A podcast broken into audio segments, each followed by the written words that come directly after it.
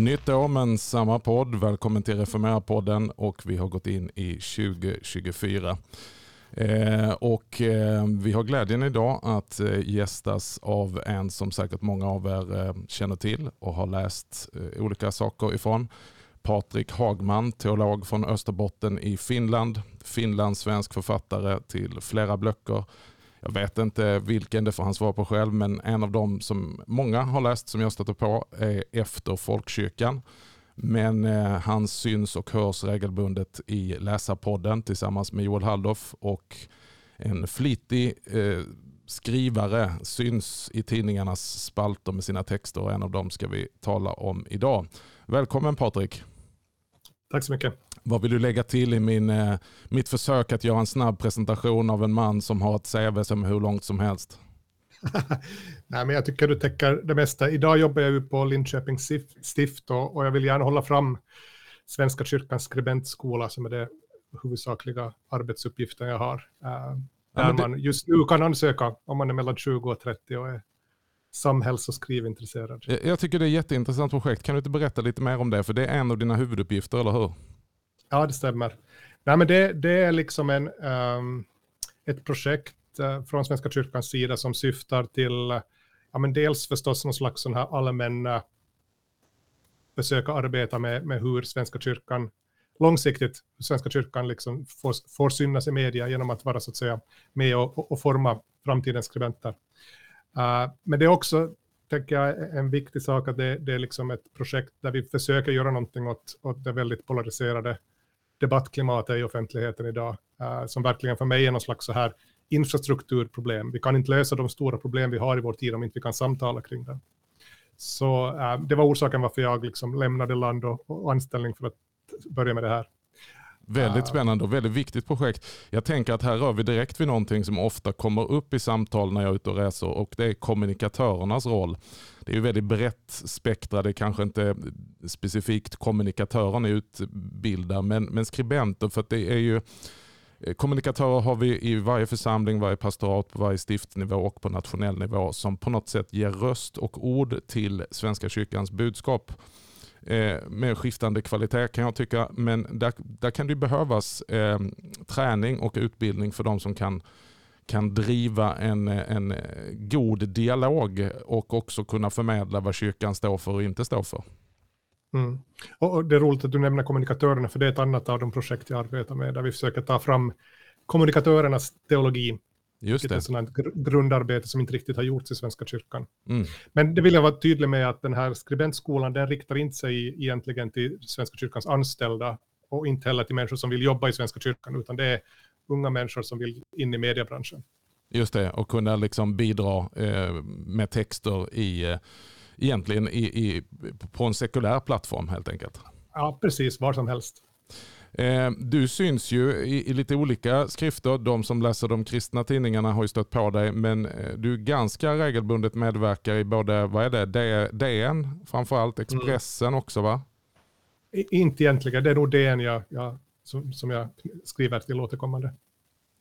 Du, eh, vi ska ju komma in på en artikel som jag läste eh, på, innan jul, eh, där du skrev i Kyrkans Tidning som gästledare som rör lite grann av det som är en av, eller kanske den främsta livsnerven i den här podden som vi kallar för helkyrklighet. Och eh, du talar om att vi idag i svensk kristenhet ser en tilltagande varumärkeskonfessionalitet eh, där man mer och mer tycks eh, värna om det egna varumärket, den egna identiteten. Och därför menar du, om jag förstår din text rätt, att ekumeniken hamnar lite grann i baksätet.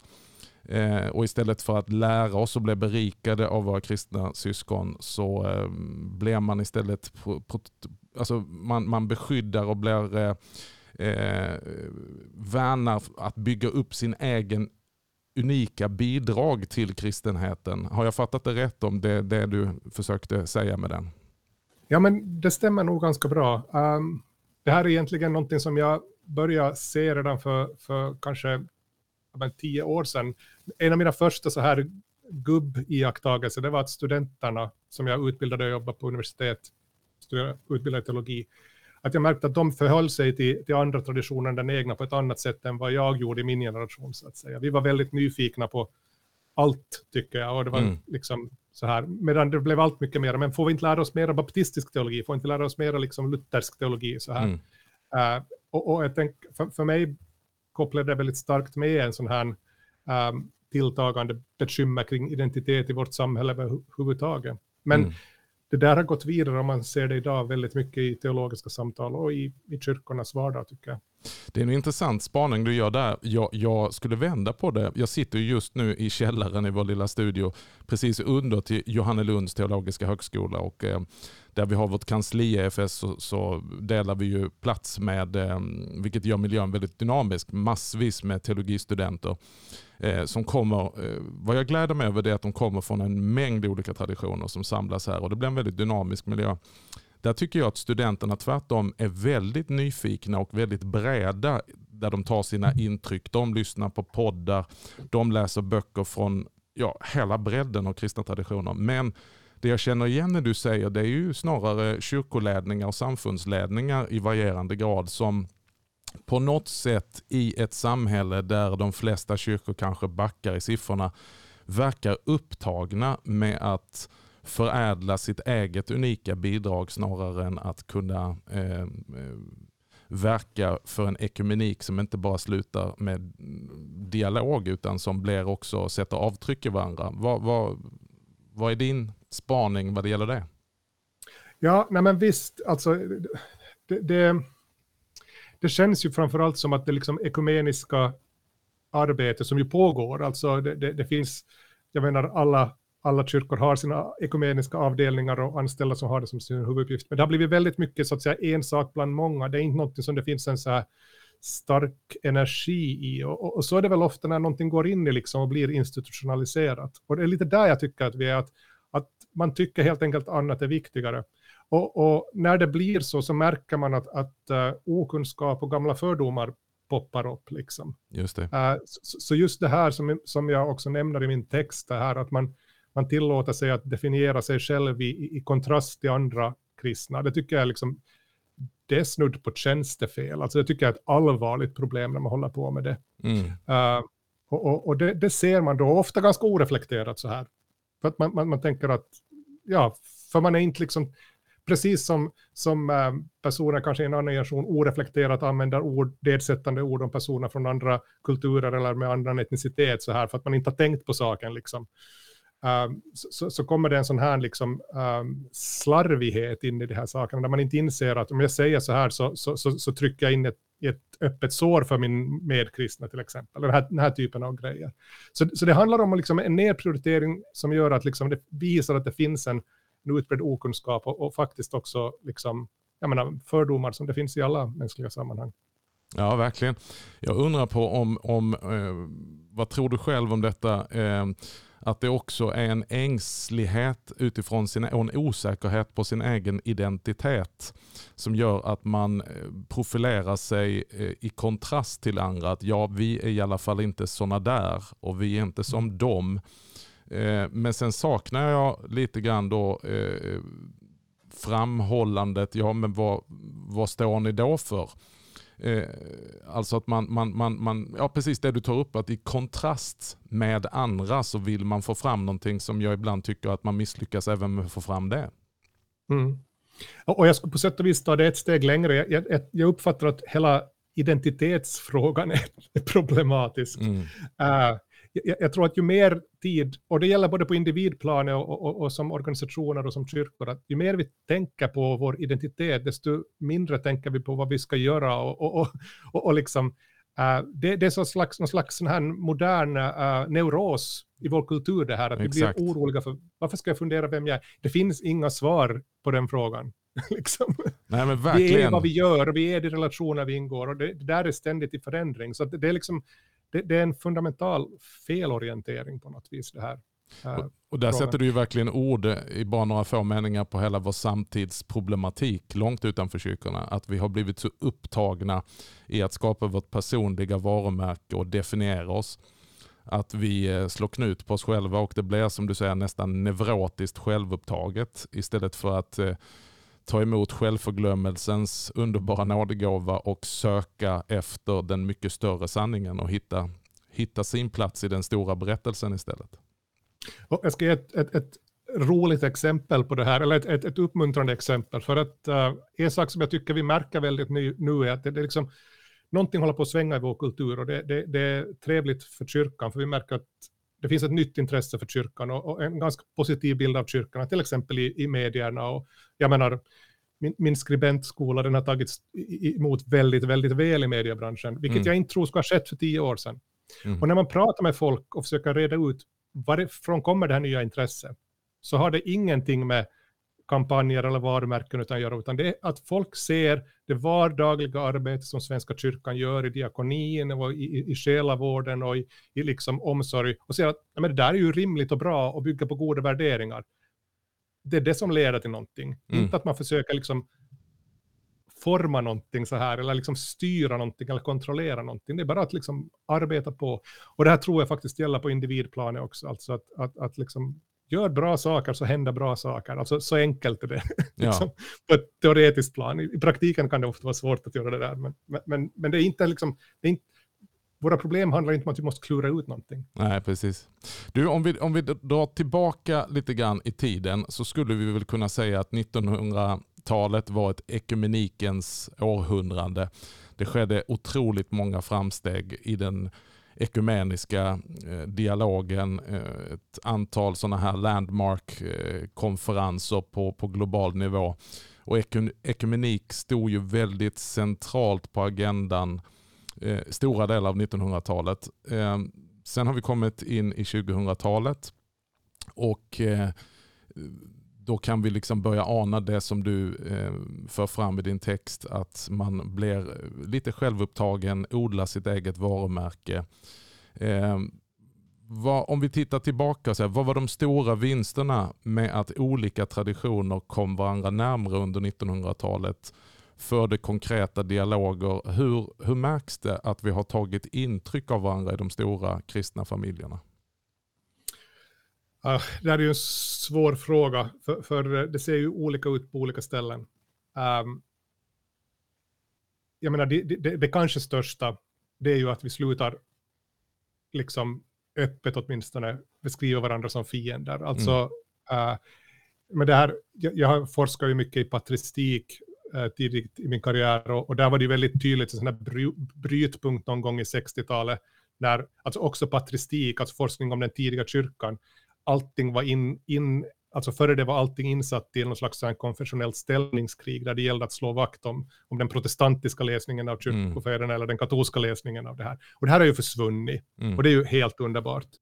Och, och ingen, alltså det, man, det är ganska marginella röster idag som skulle börja kalla påven för antikrist eller sådär, men det var mm. liksom ganska okej okay för, för liksom, ja, i början av 1900-talet. Så, här.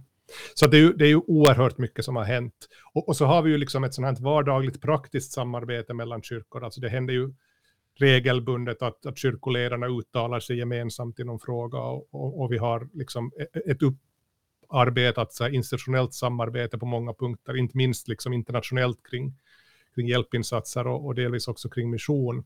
Så allt det där är ju helt fantastiskt. Liksom. Mm.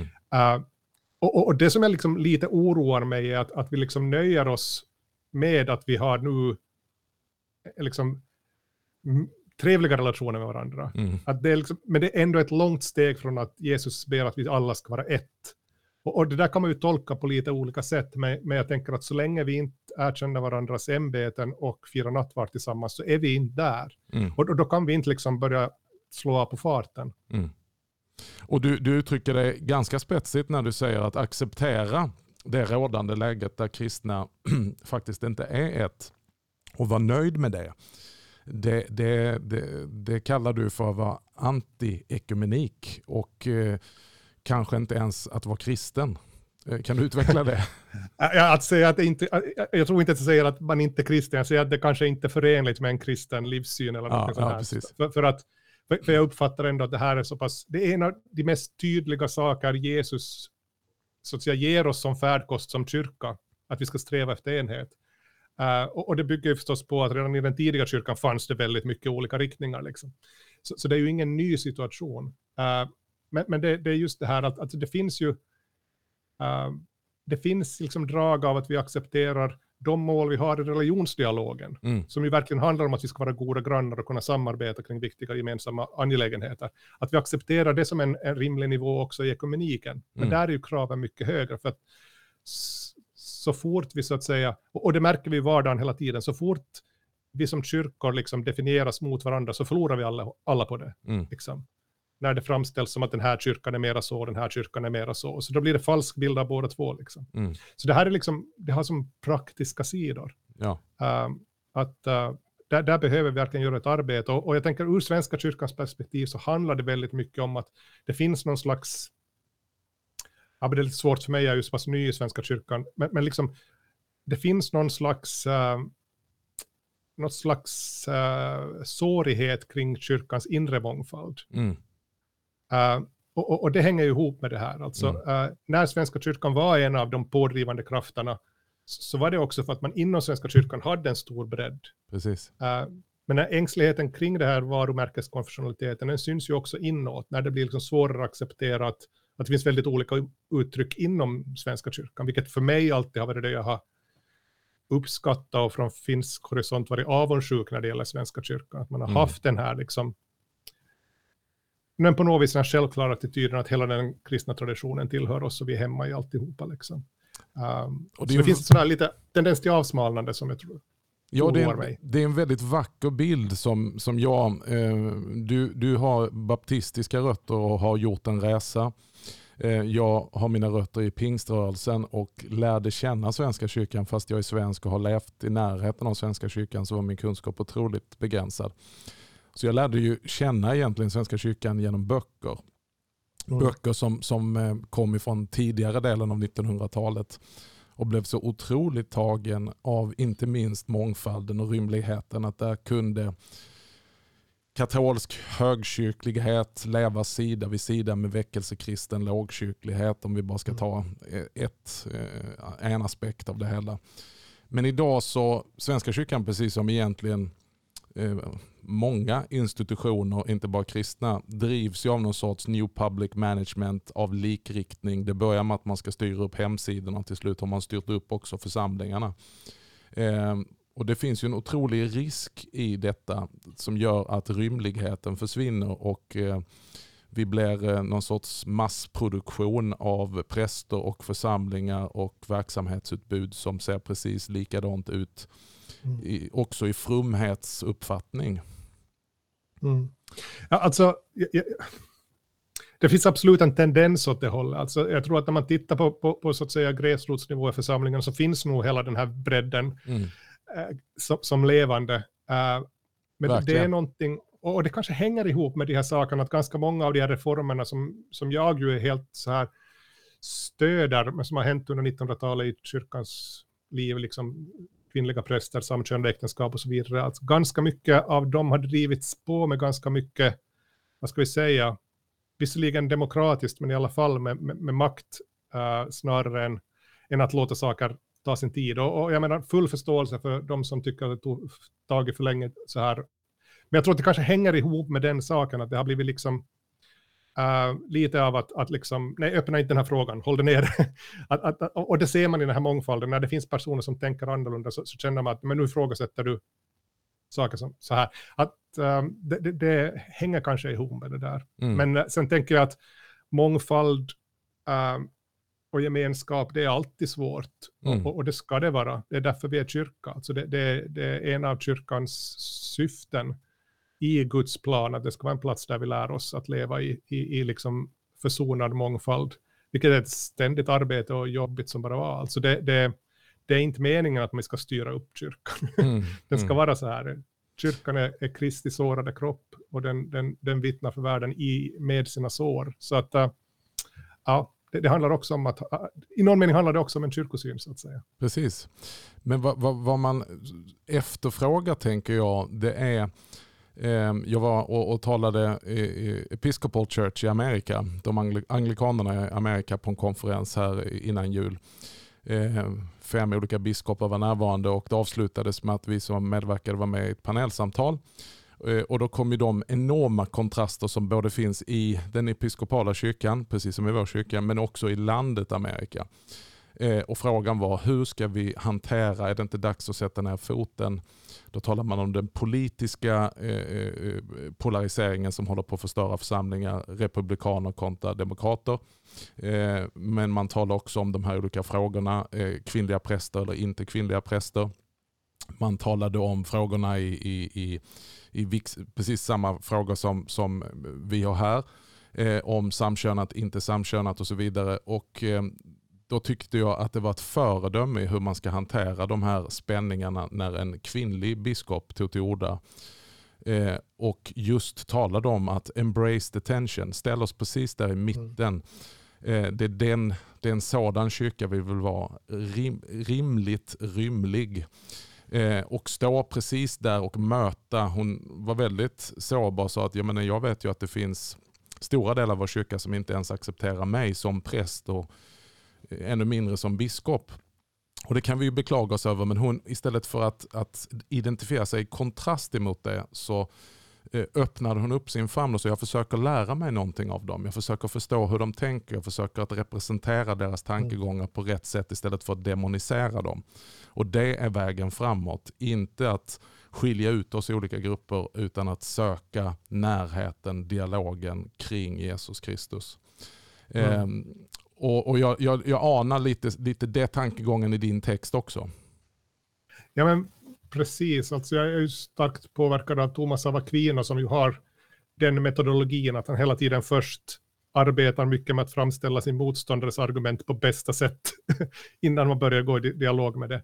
Och, och, och det, för det är liksom en, en, moralisk hållning som jag uppskattar, att, att man, man liksom verkligen försöker bemöda sig om att förstå vad den andra säger och varifrån den kommer. Och, och jag menar, när det gäller de här stora frågorna, framförallt synen på, på ämbetet så, så, finns det ju liksom så väldigt mycket sår mm. uh, på alla sidor i, i, i, liksom det landskapet. Och, och det måste man ju, um, jag menar inte bara ha förståelse för utan förstå. Alltså mm. Alltså man måste försöka förstå de såren mm. uh, om man ska kunna liksom komma vidare. Och igen, uh, det här är ju det som kyrka är. Alltså kyrka som ett alternativ till att lösa problemen med våld och makt i världen. Uh, då är det just på de här punkterna vi behöver visa en annan väg. Mm.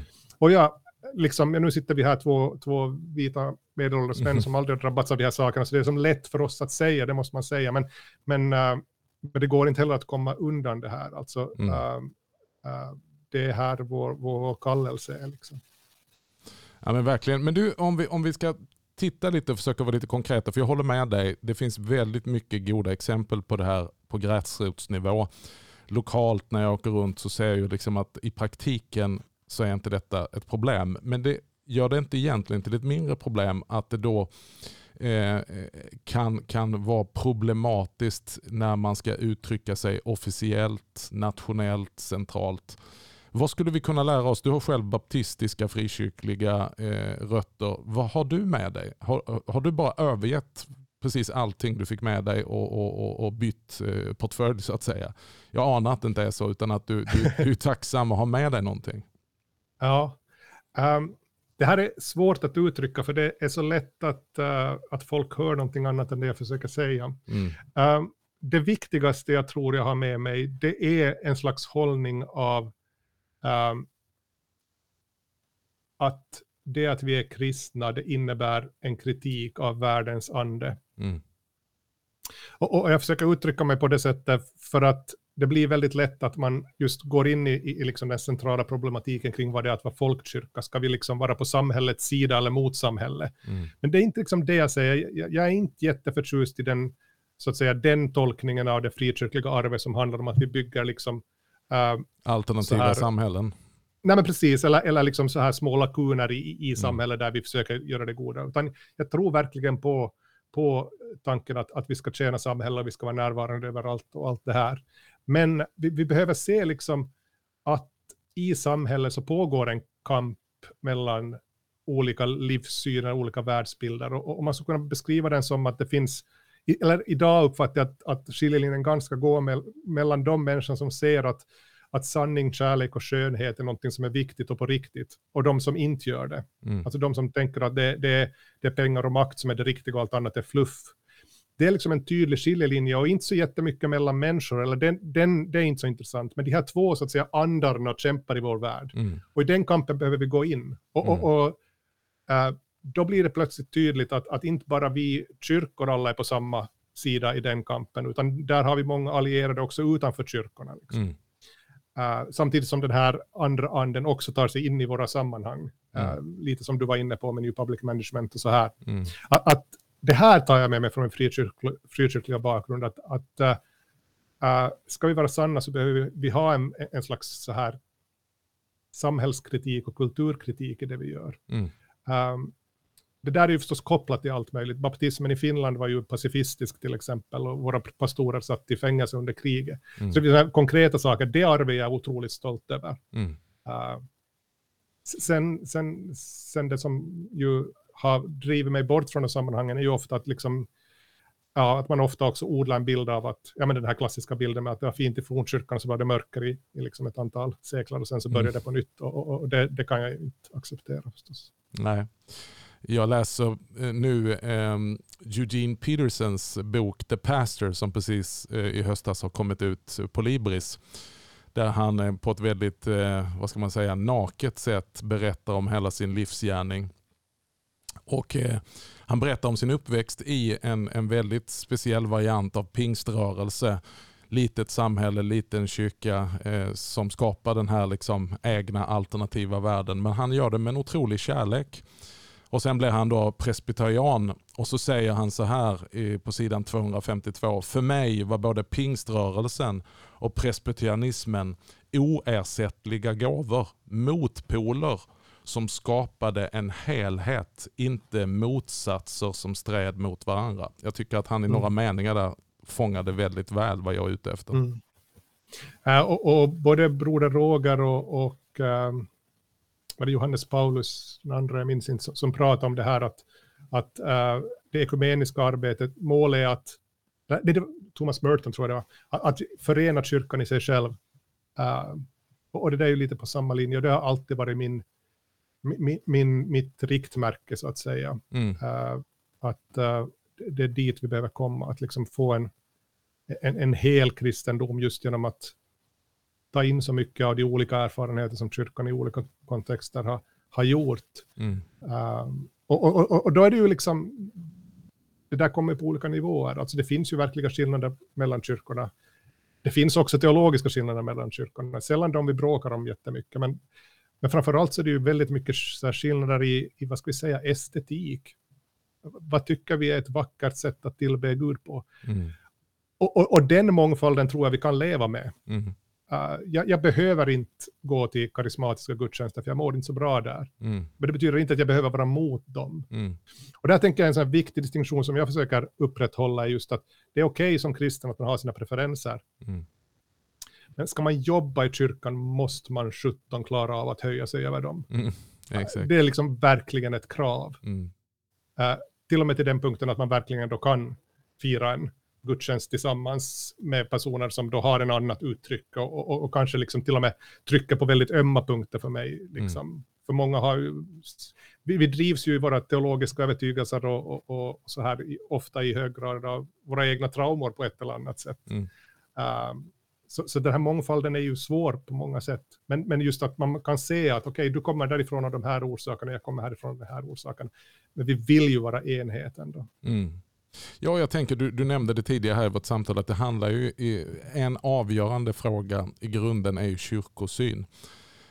Alldeles för ofta så ser vi ju en kyrkohistoria där när Gud sänder gåvor till sin kyrka, eh, alltså så som han uppfattar kyrkan, eh, så tar vi de gåvorna och eh, jag brukar säga kokar soppa på en spik, att vi försöker då eh, det blir av olika skäl en ny kyrkobildning men som mm. bygger på den här specifika förnyelsen.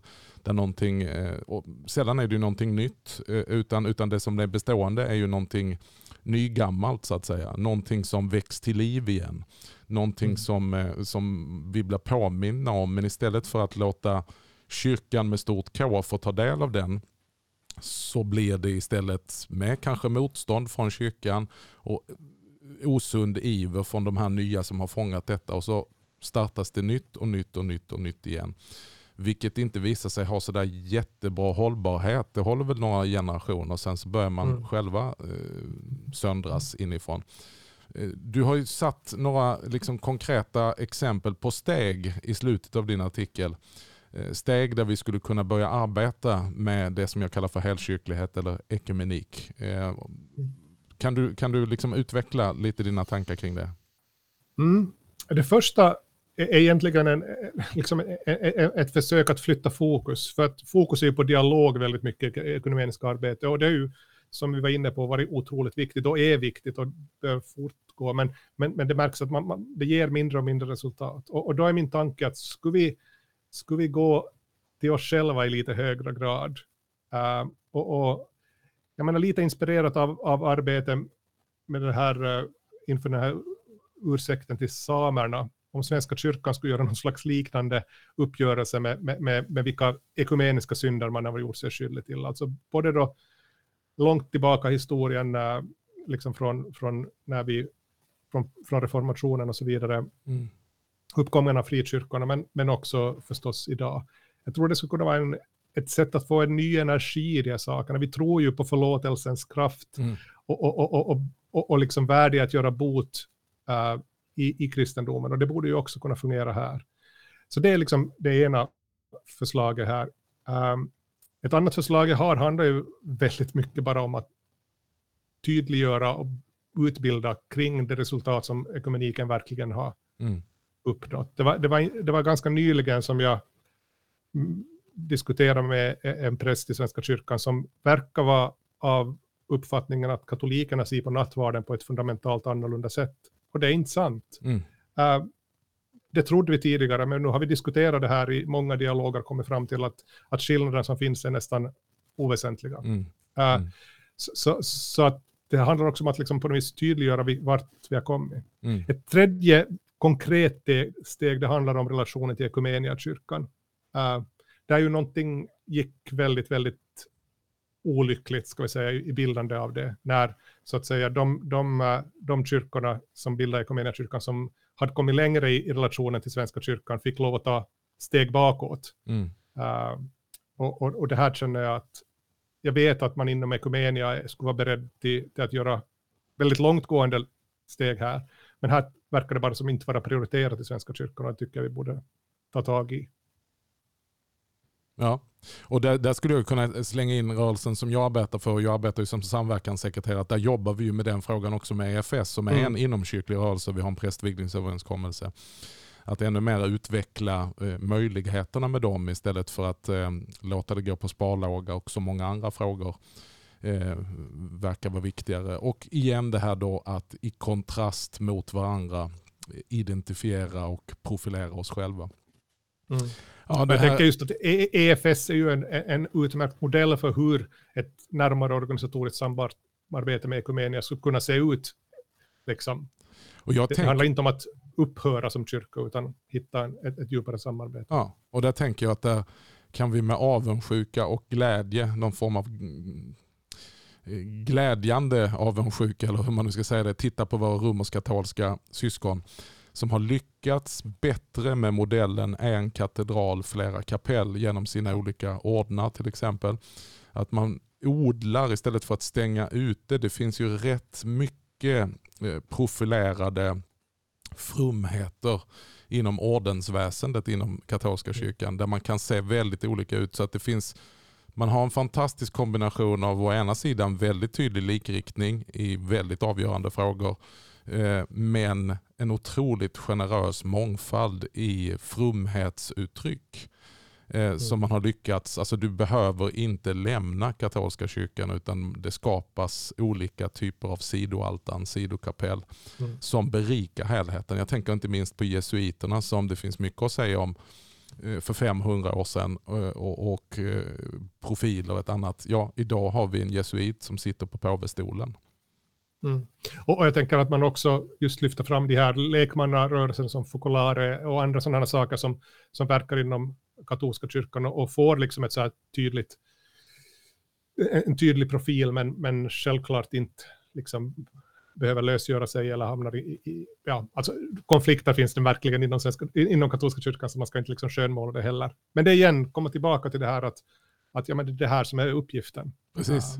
Embrace the tension helt enkelt. Jag tror ja. att vi, vi, eh, vi kan inte ta ut paradiset på förskott där vi, där vi tänker att målet måste vara att vi ska undvika varenda känsligt område och konflikt. Utan det finns ju någonting kristet med att kunna faktiskt leva i och hantera olikheter och potentiella konflikter. Men att visa en hel värld hur vi kan, inte att vi är konfliktfria, men hur vi kan hantera konflikter på ett kristet sätt. Mm, precis det. Du, eh, tiden eh, är ute för oss Patrik, men om du får göra en spaning här nu i början av ett nytt år. Vad, vad spanar du för kristenheten? Vilka, eh, vilka drömscenarion eller eh, förhoppningar, böner har du för 2024 när det gäller kyrkans värld i Sverige? Om du får sammanfatta det som du anar ligger framåt eller hoppas. Jag tycker det är väldigt, väldigt spännande att jobba i kyrkan just nu, för att jag, jag möter så mycket ny energi. Liksom. Det kommer ju, har ju kommit en ny generation präster som är yngre än mig mm. och, och, som har ett väldigt annat äh, ingång. Och, och, kombinerat med just det här nya intresset vi ser i samhället så tror jag att, att äh, ja, det, det, är lite konstigt att säga för att det är svåra tider i världen, men, men jag är väldigt, väldigt äh, hoppfull när det gäller kyrkan i Sverige uh, de närmaste åren. Vi kan se, kanske det var bara en trend som gick, men det känns som att någonting håller på att vända. Ja, det känns verkligen, eh, jag, jag, jag stämmer in i det, det känns som att det kommer öppningar gång på gång och stenarna ropar som vi brukar uttrycka mm. oss. När eh, personer, alltifrån Nobelmiddagar och Nobelpris till kulturpersonligheter egentligen säger det eller ställer de frågorna som vi som kyrka borde göra. Så att här finns en, en, en öppning att verkligen ta vara på. Ett stort tack eh, Patrik för att du ville vara med i Reformera-podden och diskutera din eh, ledartext från Kyrkans Tidning. Eh, ett stor behållning av samtalet och Gud välsigne dig vidare i din tjänst. Tack så mycket. Tack till dig också, du som har lyssnat på ytterligare ett avsnitt av Reformera-podden den här fredagen. Vi är i ett nytt år och om Herren vill och vi får leva så är vi tillbaka i dina hörlurar även nästa fredag med ett nytt avsnitt där vi eh, tittar på lite frågor som eh, kan vara en spaning för kyrkan 2024. Tills dess, allt gott.